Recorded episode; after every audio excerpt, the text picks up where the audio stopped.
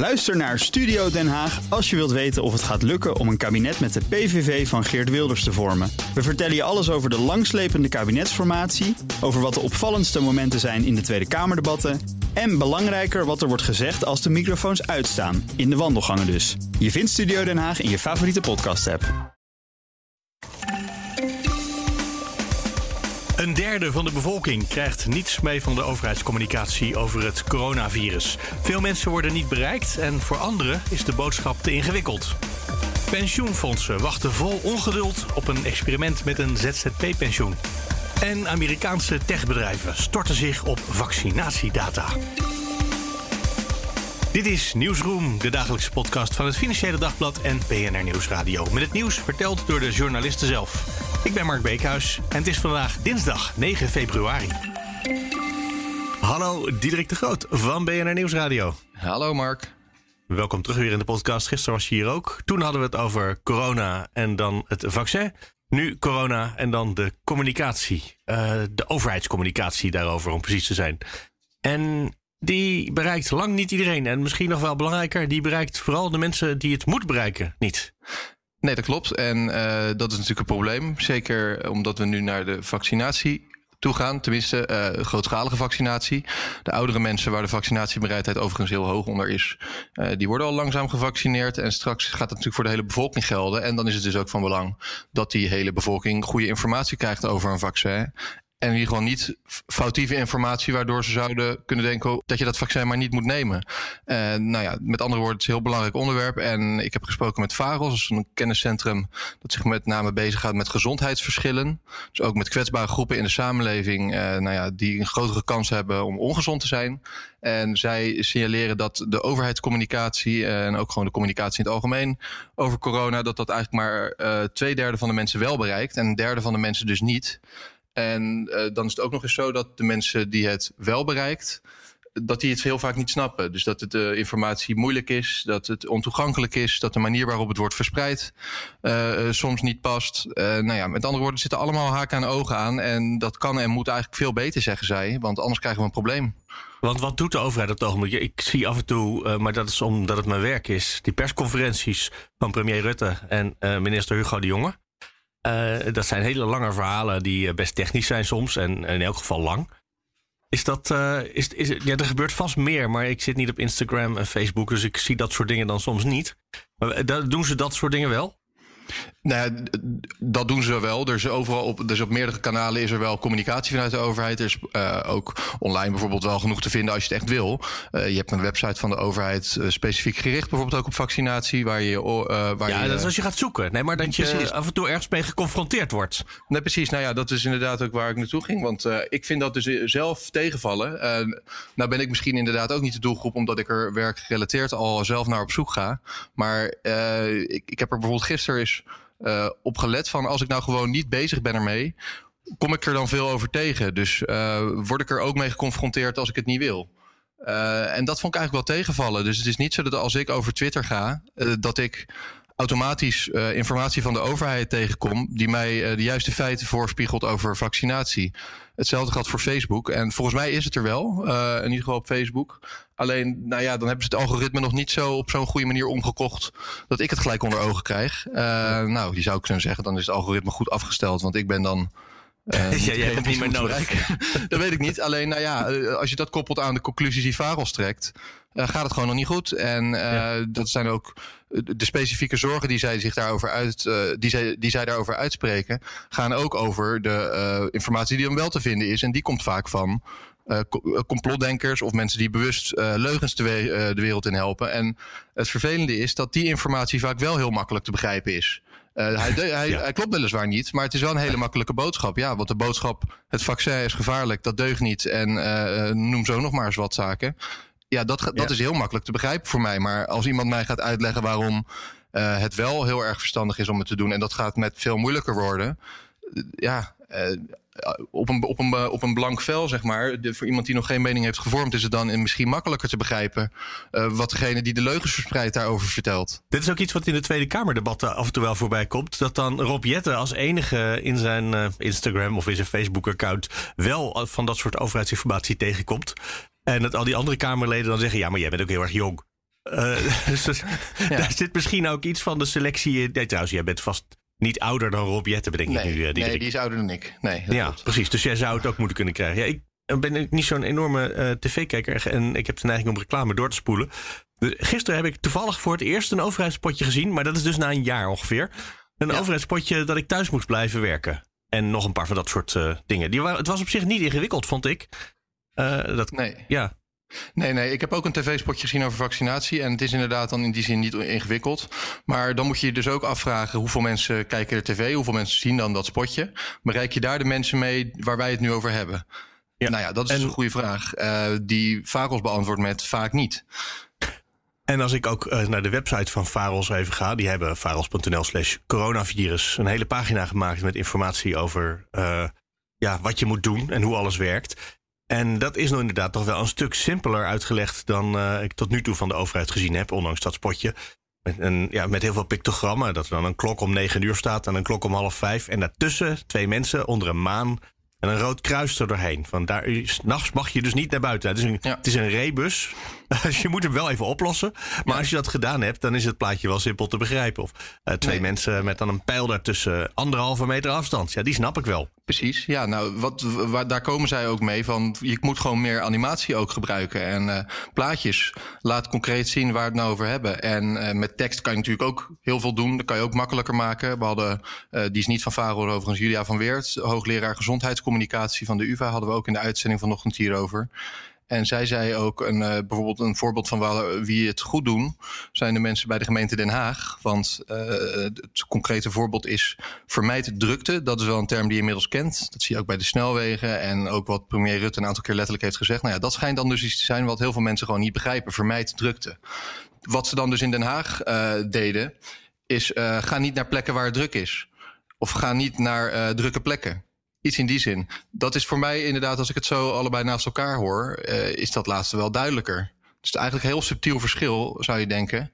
Maar blijkbaar toch wel ook met grote impact uh, uh, voor de groep die het allemaal wat moeilijker begrijpt, uh, wat je er dan van maakt. En nou ja, er wordt gewoon niet genoeg over nagedacht, zeggen de mensen die er verstand van hebben. Er zijn wel goede intenties overigens. Hè. Het is niet zo dat dit helemaal niet op de radar staat van hoe moet je communiceren. Ik bedoel, dat weten we allemaal.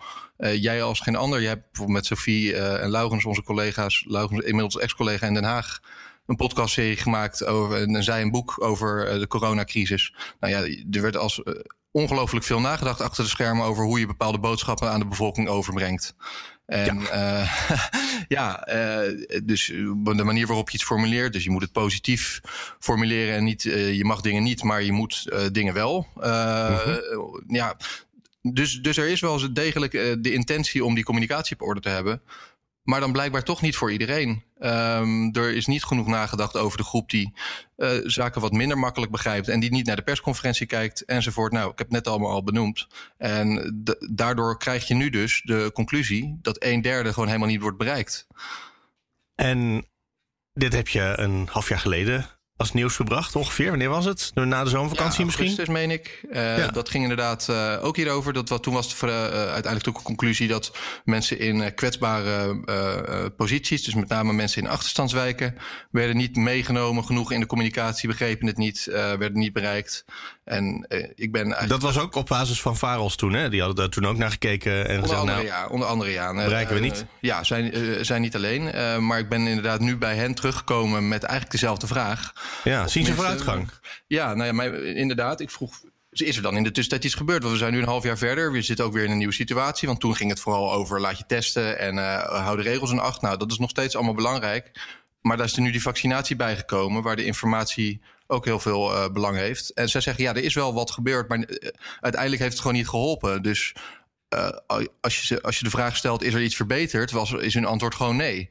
En dat zou ook, ook raar zijn om te zeggen als je dan vervolgens concludeert dat een derde van de mensen, van alle Nederlanders, hè, dat is een enorm aantal, gewoon niet wordt ja. bereikt met de informatie. Nou ja, het kan zijn dat ze in de augustus de helft niet bereikte en nu een derde niet. En dat ja, dus toen wel is beter is. genoemd. Maar uh, ja, laat ik het zo zeggen, als ze toen uh, het, het cijfer uh, een derde of meer hadden genoemd, toen, dan was ik er dan ook van geschrokken. dus we weten het, er is niks mee gedaan. Dat is op zich ook jammer. Ja. Um, misschien uh, over een paar maanden nog eens proberen. Kijken of het dan uh, Ja, je zou beter zeggen van ik hoop, ik hoop dat het over een paar maanden niet meer nodig is. Dat, dat, dat nou, dat goede nieuws, dat mag je ook wel vertellen in deze podcast. Als je Ja, op precies. met een keer denkt, er is goed nieuws. Ik, Dus dat ik, weet bij wel. jou kon vertellen dat de coronacrisis klaar is. Want dat bedoelde ik. nou, dan wil ik best het, eh, eh, ja, dat goede nieuws wil ik best wel brengen hoor. Het, eh, Ja, ja ik denk altijd dat goed nieuws geen nieuws is. Maar eh, in het geval coronacrisis is over, maak ik misschien een uitzondering die dag. Oh, nou ja, ik houd in gedachten en eh, hou je eraan. Diederik, dankjewel. Dat wil zeggen, ik wil nog even de mailbox met je doornemen. Eh, want je weet, aan het eind van elke podcast zeg ik altijd... Wil je reageren? Mail naar nieuwsroom.bnr.nl of nieuwsroom.fd.nl. En dat doen mensen ook elke dag. Eh, ik krijg nu ook elke dag een mailtje met iemand... elke dag iemand anders, die schrijft... Graag gedaan. En dat is allemaal op antwoord op... eh, dank voor het luisteren van afgelopen vrijdag. Ehm, Je zegt het niet voor niks dus. mensen die antwoorden nu ook per mail graag gedaan. Dat vind ik wel heel beleefde luisteraars, heb ik. Eh, en heel grappige luisteraars. Ik zeg altijd, ik mail iedereen terug. Maar bij deze is dat lastig. Want ik heb eigenlijk geen idee wat je daar weer terug moet schrijven op graag gedaan. Dus die eh, benoem ik dan maar even hier. Nee, ik wou de mail van eh, Roland even met je doornemen. Want die reageert namelijk op het item wat wij gisteren opnamen. Eh, in deze podcast. En dat ging over het virus. En de vraag of je dat niet gewoon van de ene plek naar de andere plek kan transporteren. Het vaccin bedoel je, niet het virus. Oh ja, het virus, dat kunnen we inderdaad heel goed transporteren. Nou, je het Ja, zegt. helaas wel. Doe dat helemaal zelf. Eh, nee, het vaccin, je hebt helemaal gelijk. Eh, en Roland heeft een screenshot meegestuurd van de handelingen. Dus het verslag van de vergadering in de Tweede Kamer. Waarin ook uitgelegd wordt waarom het niet zo makkelijk is om dat spul te transporteren. En daar- wij zeiden gisteren al. Wij zien vast iets over het hoofd nog, een detail. En dan, eh, ja, ik zei al, bij hele beleefde luisteraars, maar ook hele goed geïnformeerde luisteraars. Want je Ja, weet gewoon ja. uit een kamerdebat eh, dat meteen boven water te halen. Eh, namelijk dat, het molecuul, om het maar even heel chemisch te zeggen, van het vaccin is nogal kwetsbaar. En als je daar mee gaat sjouwen, dan gaat schokken, dan is de kans vrij groot dat het kapot gaat en dus niet meer werkt. Ja. Ja, daar hadden wij het gisteren niet over gehad. Nee, precies. En eh, inderdaad, wat je al zegt, wij, wij, nou ik, ik, ik had toen al in mijn hoofd van er, er zitten bij dit soort zaken altijd wel dingen in die je niet weet als, eh, als relatieve leek natuurlijk. Nou dan was dit er bijvoorbeeld eentje van. Eh, overigens, ook met dit erbij aangetekend, als ik dan even helemaal terugkom op het onderwerp, denk ik dat er met wat flexibiliteit, dat je ook daar wel een mouw aan kan passen, dat je ook dan wel ehm, eh, iets flexibeler kan zijn in de distributie van de vaccins. Maar het is wel iets heel belangrijks om erbij aan te tekenen. Dus ja, hadden wij dat toen geweten, hadden we dat ook absoluut benoemd. En eigenlijk is dat, eh, raakt dat dan misschien ook wel weer een beetje aan communicatie. Want wij hebben natuurlijk het RIVM bijvoorbeeld gevraagd, die eh, dit zouden moeten weten. En dan En die weten dit, ja. eh, Het zou dat, natuurlijk, zou dat natuurlijk heel fijn zijn geweest als ze dat eh, ook tegen ons hadden gezegd. En ook bijvoorbeeld naar de huisarts Ria Blauwbroek die wij spraken. eh, ook naar haar, want eh, dit is, meen ik, ook niet iets wat zij wist. Ehm, dus ja, dat zou, dat zou een hoop hebben geschild, denk ik. En eh, het is nog steeds, eh, denk ik wel, dat het overeind blijft dat eh, er wat meer flexibiliteit waarschijnlijk mogelijk zou moeten zijn. Ik denk ook dat Ria Blauwbroek dat nog steeds vindt als ze dit hoort. Maar, eh, maar toch, we willen volledig zijn en eh, eh, feitelijk juist. Nee, precies. Je kan ook, je kan ook doosjes aardbeien kan je, verslepen zonder dat die helemaal gepureerd worden. Dus Ja. daar zijn vaste oplossingen voor. Even goed, het is ook wat die Roland aan het eind van zijn e-mail schrijft. Dat het hem zo verbaast inderdaad dat de GGD en het RIVM dat niet gewoon even hebben uitgelegd. Immers, Hugo kon het ook. Nou, dat zal Hugo de jongen zijn, stel ik mij voor. Ja, ja nee, ik ben het eens met Roland en ik, ik, ik bedank hem voor het oplettende luisteren en helpen. Ja. Dus dank voor het mailen. En eh, wil je ook reageren? Mail naar nieuwsroom.bnr.nl of nieuwsroom.fd.nl. En dankjewel, Diederik. Graag gedaan, Mark. En ik zie nu ook op Twitter nog een reactie die ik je toch ook nog maar even wil meegeven. Van Joris Dirks. Die zegt: Ja, waarom dat thuisprikken moeilijk is, dat tik ik graag even in. Vaccinatie geeft risico op anafylaxie. En daarom moet er een arts of een verpleegkundige 15 minuten bijblijven na het prikken. En voor wie, net als ik, te weinig doktersromans leest, anafylaxie, dat is een ernstige allergische reactie. Hallo, Martine Wolzak van het Financieel Dagblad. Goedemorgen, Mark. Ik zie nu ineens dat jouw artikel om half één s'nachts online gegaan is. Heb je nog tot diep in de nacht zitten werken? Nee, ik denk dat het eh, op een eh, tijdklok is gezet. En dan eh, in Oh, dat het idee van... is er in de ochtend ook nog iets vers te lezen? Dus nee, ik ben me niet tot half één s'nachts verdiept... in eh, eh, het lot van eh zelfstandig zonder personeel en pensioenfondsen. En daar is van afgesproken dat die, nou niet dat die er komen, maar dat daar een experiment mee gedaan gaat worden, toch? Ja, nee, dat, deze, de minister, minister Wouter Koolmees, die heeft een, op een gegeven moment een oproep gedaan aan pensioenfondsen van kom met wat ideetjes over hoe zelfstandigen zonder personeel ook bij een pensioenfonds pensioen kunnen gaan opbouwen. En uh, dat kan nu heel vaak niet. Er zijn wat uitzonderingen, maar heel vaak niet. En uh, nou, vanuit allerlei hoeken wordt, uh, maken mensen zich zorgen over of zelfstandigen zonder personeel dan wel voldoende pensioen opbouwen op dit moment. Ik denk van niet, zo op het eerste gezicht. Het wisselt enorm. Um, dus zodra je, ik, ik, merk het altijd, zodra ik een stuk schrijf over pensioenfondsen die pensioen voor ZZP'ers willen aanbieden, krijg je altijd een heleboel boze reacties van ZZP'ers die echt zoiets hebben van blijf van mijn geld af. Ja, ik, ik wil, want ik heb het al geregeld. Ik heb het al geregeld. Ik, wil het, ik heb het zelf prima op orde. En er zijn ook zeker hele grote groepen ZZP'ers die het prima op orde hebben die zelf apart, eh, geld apart zetten voor hun pensioen, die hun huis aflossen, uh, die er goed over nagedacht hebben en uh, een beleggingsrekening hebben die gereserveerd is voor pensioen. Dus voor, over die groep hoef je je niet druk te maken. Er is ook een groep die we tegenwoordig ook ZZP'er noemen, waarvan je misschien soms moet afvragen of die dat zijn. Uh, denk aan de maaltijdbezorgers bijvoorbeeld, die gewoon zo weinig verdienen. En dat speelt bijvoorbeeld ook heel erg in de culturele sector. Uh, waar heel, ja, de inkomens echt heel erg laag zijn.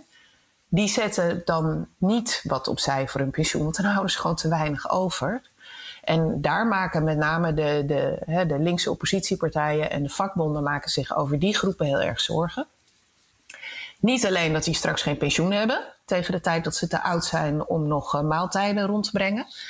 Um, uh, maar ook denken zij dat de lonen daardoor onder druk staan.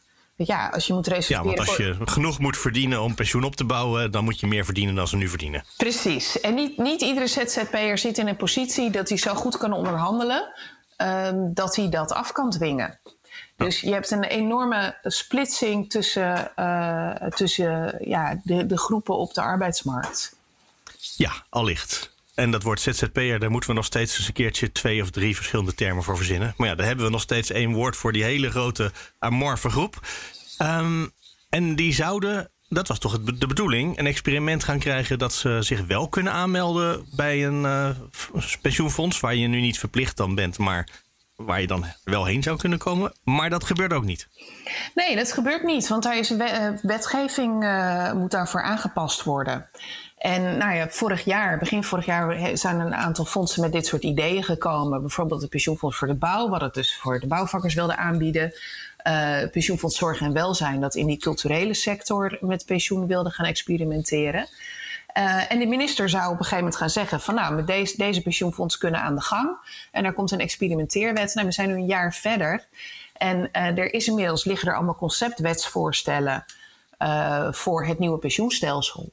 Maar die experimenteerwet is er nog niet. En de pensioenfederatie, de koepel van pensioenfondsen, die luidt nu een beetje de noodklok. Van jongens, dit duurt allemaal te lang. En op deze manier kunnen wij niet aan de slag voor die ZZP'ers. En volgens hen is dat slecht voor die ZZP'ers. Uh, en ik vermoed dat ze ook denken dat het niet zo goed nieuws is voor de pensioenfondsen zelf. Ja, voor die ZZP'ers kan ik me voorstellen. In ieder geval de mensen die dat willen. Uh, en ik kan me ook voorstellen dat je eventueel een opt-out of zo erin doet. Dus nee, maar ik heb het geregeld dat je dan kan zeggen: ik zet hier mijn handtekening, ik wil dit echt niet. Maar waarom is dit slecht nieuws voor de, voor de, voor pensioenfondsen zelf? Nou ja, als een steeds groter deel van de Nederlanders als ZZP'er zou gaan werken, en daar zag het jarenlang wel naar uit. Um, eh, voordat de coronacrisis uitbrak, kwamen er wel weer meer mensen in vaste dienst omdat de arbeidsmarkt zo krap werd. Maar als die trend richting ZZP en flexibel werken doorzet, ja, uh, pensioenfondsen richten zich op mensen die in loondienst zijn. Nou, die zijn verplicht via hun werkgever aangesloten bij een pensioenfonds. In de meeste sectoren. Uh, ZZP'ers die in diezelfde sector werken, zijn niet verplicht om zich aan te sluiten bij een pensioenfonds. Zoals gezegd, hè, dat, die worden gezien als ja. ondernemer. En, die en niet verplicht betekent ook vaak uh, niet in staat, hè? dat het ook niet lukt als klopt. je dat zou willen. Ja, dat klopt. Die zijn, die, die, voor hen zijn er andere commerciële partijen waar zij hun pensioen kunnen regelen als zij dat zouden willen. Maar het pensioenfonds die mag niet oneerlijk concurreren met die andere partijen. dat is gewoon gezegd van oké, die cao's, daar hebben we dan in Nederland een afspraak voor. Daar mogen die niet-commerciële pensioenfondsen zich op richten. Maar de rest, dat is dan voor commerciële partijen.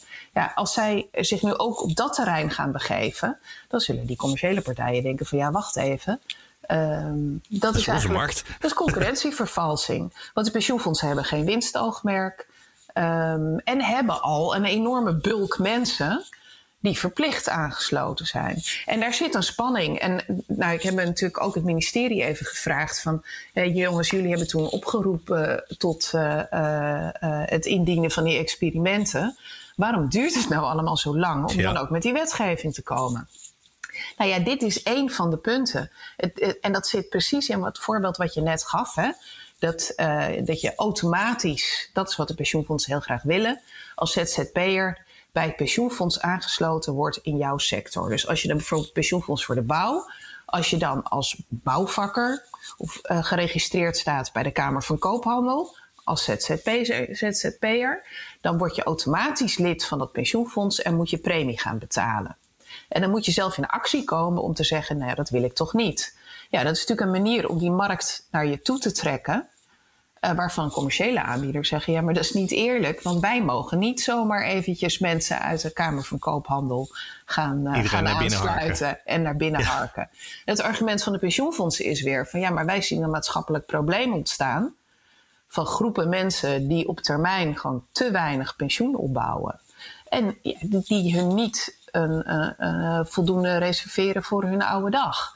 En daar willen wij een rol in spelen om dat, uh, om dat op te lossen. Nou, mag ik eens. Uh, mag ik eens mijn ergste vrees dan? want ik zit natuurlijk netjes in zo'n pensioenfonds, dus voor ons is het allemaal goed geregeld. Maar er gaat natuurlijk op een moment gaat voor al die, al die ZZP'ers die geen pensioen hebben opgebouwd. Dan gaan we waarschijnlijk de AOW verhogen, want anders wordt het een ondraaglijk bestaan. Ja, nou ja, dat zie je nu eigenlijk al in de verkiezingsprogramma's van een aantal partijen. Die, dat is precies wat daar staat, met name bij de, bijvoorbeeld bij GroenLinks en Partij voor de Dieren. Die zeggen van ja, ook mensen zonder aanvullend pensioen moeten een goede oude dag hebben. En dus willen wij de AOW verhogen. Ja, maar dat is een omslagstelsel, dus dan gaan we het met z'n allen dus uh, ook al die mensen die het wel geregeld hadden, of voor wie het geregeld werd, uh, gaan we meebetalen aan de pensioenen van de mensen bij wie dat nooit gebeurd is. Ja, dat klopt. En dan kun je je afvragen hoe, uh, hoe eerlijk dat is. En je hebt dan dus een groep mensen die nu en heel veel pensioenpremie moet afdragen. De mensen die in de CAO zitten, want die pensioenpremies zijn ook fix gestegen. de AOW-premie is gemaximeerd, hè, dus die stijgt niet verder. Maar wat je dan tekort komt, moet dan uit de algemene middelen bijgedragen worden. En dat zijn gewoon de belastingopbrengsten. En overigens betalen of daar je het nou premie noemt of belasting, dat maakt natuurlijk ook eigenlijk uiteindelijk niet uit. Nou, het maakt in zoverre uit dat als het puur uit de premie zou komen, dan, dan is het echt werkende die het op uh, moeten oh, ja, brengen. Uh, als het uit alle belastingmiddelen uh, komt, dan betalen ook bijvoorbeeld gepensioneerden met een hoger pensioen die dus al die jaren premie betaald hebben, die betalen ook mee. Aan, aan... De, de, vermogenden betalen dan ook mee. Ja, ja. Nou, en er zijn allemaal. Je kunt niet. Hè, het is allemaal niet zwart-wit in de zin van dat, dat je moet zeggen van dat kan sowieso niet en dat zou niet eerlijk zijn. Uh, er valt best wel wat te zeggen voor wat meer omslag. Zeker uh, hè, nou ja, we hebben vaak over gehad. De rente is extreem laag. In principe in, hele, in tijden met hele lage rente uh, is in misschien wat meer omslag best een goed idee. Omdat beleggingen dan meestal wat minder renderen. Dus het is een beetje zoeken naar het evenwicht tussen hoeveel pensioen wil je opbouwen uh, met beleggen. En hoeveel kan je met premie doen via omslag. Ja. Uh, maar wat je niet wil, is dat hele grote groepen in de samenleving helemaal niet reserveren voor later. Zou het ook misschien een beetje zijn dat uh, in het afgelopen jaar er een zekere, uh, ja, nou, het is niet echt een afkeer is eh, ontstaan, maar het is wel, het is minder vanzelfsprekend geworden dat iedereen uh, de rest van zijn leven ZZP'er moet zijn. Omdat we dus weer vaste contracten ook weer meer gewoon zijn gaan vinden. Volgens mij zijn werkgevers dat ook meer gewoon weer gaan vinden. Dat de politieke druk er een beetje vanaf is om dit voor die, juist voor de groep die het nodig heeft, goed te regelen. Ik, ik, weet niet of de politieke druk er vanaf is. Want we hebben ook nog de voorstellen van de commissie Borstlab. Hè, die gaan over de hele arbeidsmarkt. En dit raakt daar wel aan. Van wat willen we nou eigenlijk met flexibele arbeid in Nederland? ik denk wel, en dat, dat blijkt niet alleen bij pensioen heel moeilijk te gaan. Het minimumuurloon voor ZZP'ers is ook een heel moeizaam verhaal. En dat komt eigenlijk, kom je dan terug op het eerste, een van de eerste dingen die jij zei. Ehm, we zouden verschillende termen voor verschillende soorten ZZP'ers moeten hebben. We waren heel erg ingericht op of iedereen vast of helemaal flex. En helemaal flex werkt goed voor mensen die uh, een hele goede onderhandelingspositie hebben. Dus de mensen die uh, een, een uniek talent hebben en dat weten mhm. te verkopen. En die kunnen daar gewoon een prima boterham mee verdienen. Ja, die houden eh, genoeg over voor een uh, pensioen. En dat zijn de mensen die mij dan boos mailen van ik wil niet verplicht aangesloten worden bij een pensioenfonds. Ik ben ondernemer, ik regel dit zelf. Ja. En dat lijkt mij ook heel terecht en heel begrijpelijk. En daarnaast heb je dus een groep die niet die onderhandelingspositie heeft. Um, en waarvan je je soms moet afvragen: van ja, moeten we daar misschien toch wat paternalistischer voor zijn, omdat we anders later als samenleving daar de rekening voor betalen. En wat we daar dan ook niet bij moeten vergeten, als ik eventjes in we moeten niet vergeten mag praten. Um, voor één keer. Voor één keer. Is uh, er zijn ook een heleboel werknemers die geen pensioen opbouwen de discussie gaat ontzettend vaak over zelfstandigen zonder personeel en het pensioen wat zij niet opbouwen. Maar er zijn ook nog steeds een heleboel bedrijven die niet verplicht zijn aangesloten bij een pensioenfonds en ook niet zelf iets aanbieden. Dus uh, daar valt ook nog wel wat winst te boeken. Los van of je het nou bij pensioenfonds doet of elders. ik um, denk zelf dat het evenwicht wat we in Nederland hebben tussen een deel zelf sparen en een deel omslag Eigenlijk ook als je economen spreekt, um, is bijna iedereen daar best wel enthousiast over. Er zijn verbeteringen mogelijk, want we betalen bijvoorbeeld nu wel echt heel veel premie voor onze oude dag. Mm -hmm. zou je misschien eerder wat langer moeten doorwerken dan, wat min, dan nog meer omslag erin stoppen. Uh, zo zijn er nog meer knoppen waar je aan kan draaien. Maar het, het, principe is eigenlijk heel erg goed. En het zou zonde zijn als we dat uh, uh, uit onze handen laten vallen. Martine Wolzak, dankjewel. Graag gedaan, Mark.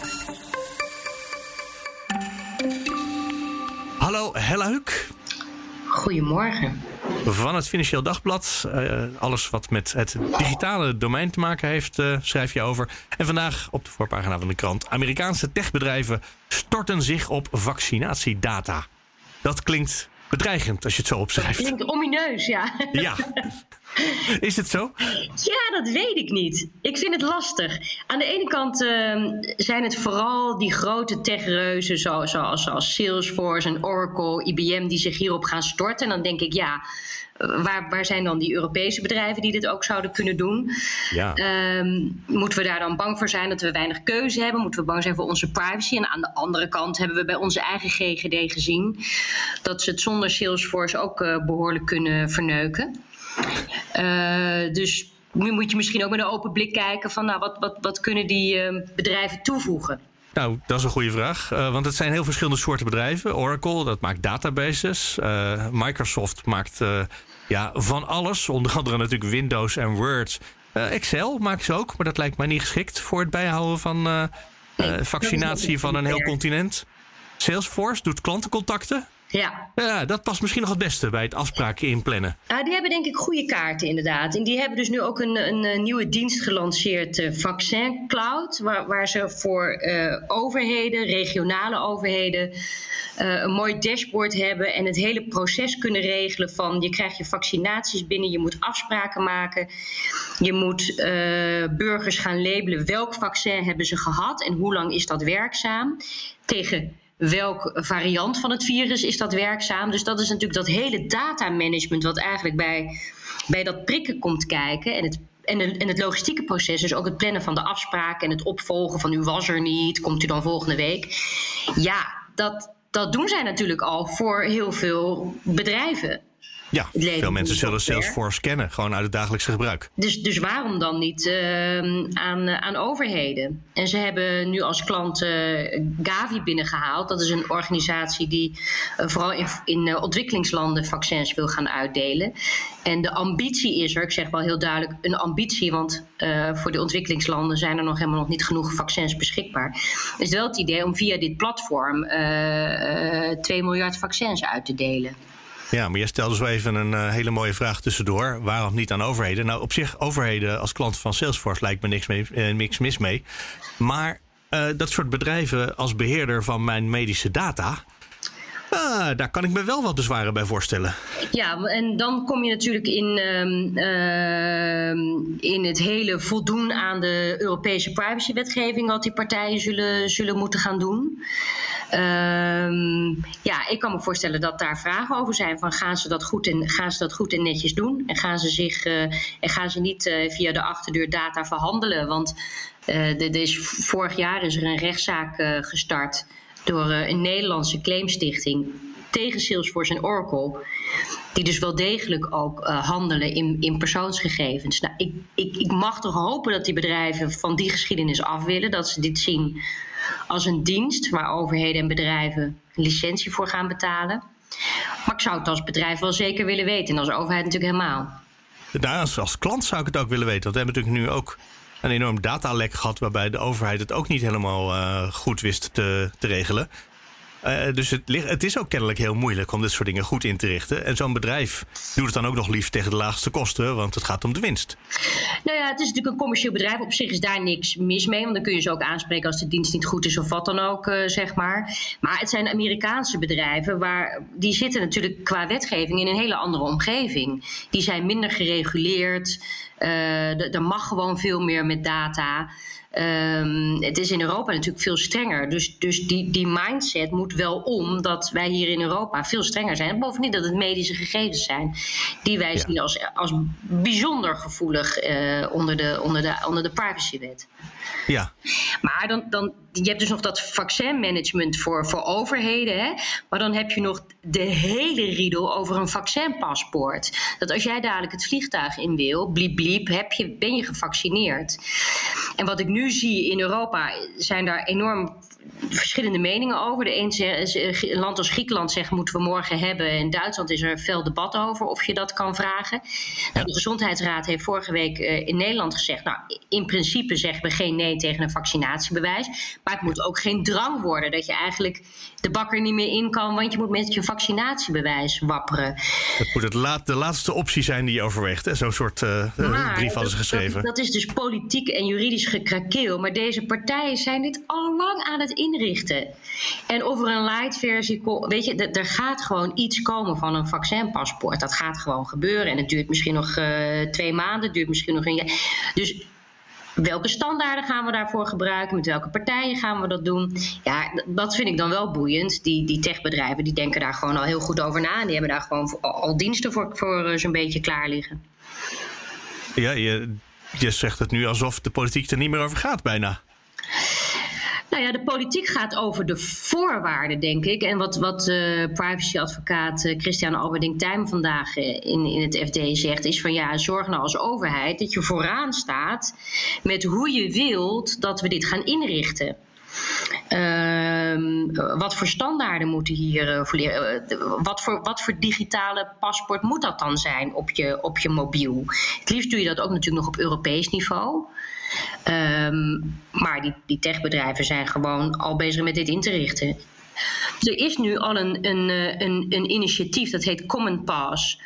Uh, waar een aantal vliegmaatschappijen aan meedoen, onder andere Lufthansa bijvoorbeeld. Ja. Uh, dat je op een vlucht al uh, uit je digitale wallet je vaccinatie kan laten zien.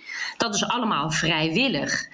Um, ja, maar hoe vrijwillig is dat als alle vliegmaatschappijen zeggen... je moet voortaan wel even je wallet laten is, zien? Dat is het politieke debat dat gaat komen. Dus daar moet natuurlijk een gebalanceerde afweging in komen... van hoe gaan we dat nou doen? En dat is onderwerp van politiek debat op nationaal niveau en op Europees niveau. Het enige, denk ik, wat, wat mijn verhaal van vandaag aantoont... allemaal mooi en aardig, maar die partijen zijn al klaar... want die willen hier gewoon geld aan, aan verdienen. Ja, en gelijk hebben ze, want dat is de rol voor bedrijven uiteindelijk. Ja. ja. Um, en ergens ook wel goed dat ze, het, dat ze erover nadenken, want we hebben het dadelijk waarschijnlijk wel nodig in meer of mindere mate. Ja, precies. Maar het is wel opvallend eigenlijk dat dat, dat, dat in Nederland nog niet echt een, een, een groot onderwerp van, van debat is. Het gaat meer over, is er, komt er nog een, een Elfstedentocht? Nou, uh, ja, ik wil het niet vragen, maar komt hij er nog? Dat dan ook, ja. En of we dadelijk dan al met een vaccinatiebewijs van een Amerikaanse techreus zitten, dat, uh, ja, daar hebben we het dan niet over. Nee, maar ik kan je op zich wel vertellen, als ik nu het raam uitkijk. Gisteren was de helft van het water waar ik over uitkijk uh, bevroren. Vandaag is het hele water dicht. Ja, ik heb dus nog heel snel schaatsen besteld afgelopen zondag online. En die moeten vandaag komen. Kijk, dus je hebt er toch ook een beetje uh, last van? Ja. van het... Geef het toe. Hella, dankjewel. Graag gedaan. En over de Elfstedentocht komt ook net nog een berichtje binnen. Bestuur Elfstedentocht blijft bij standpunt. Dubbele punt. Geen tocht in huidige pandemie. Dus ga lekker schaatsen, maar reken niet op een Elfstedentocht. Dat was hem voor vandaag. Graag tot morgen.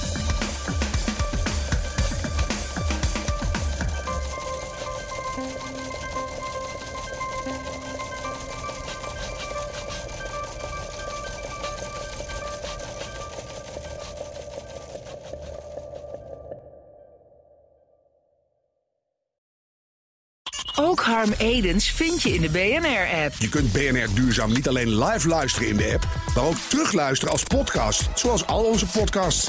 En naast dat de BNR-app Breaking News meldt, houden we je ook op de hoogte van het laatste zakelijke nieuws. Download nu de gratis BNR-app en blijf scherp.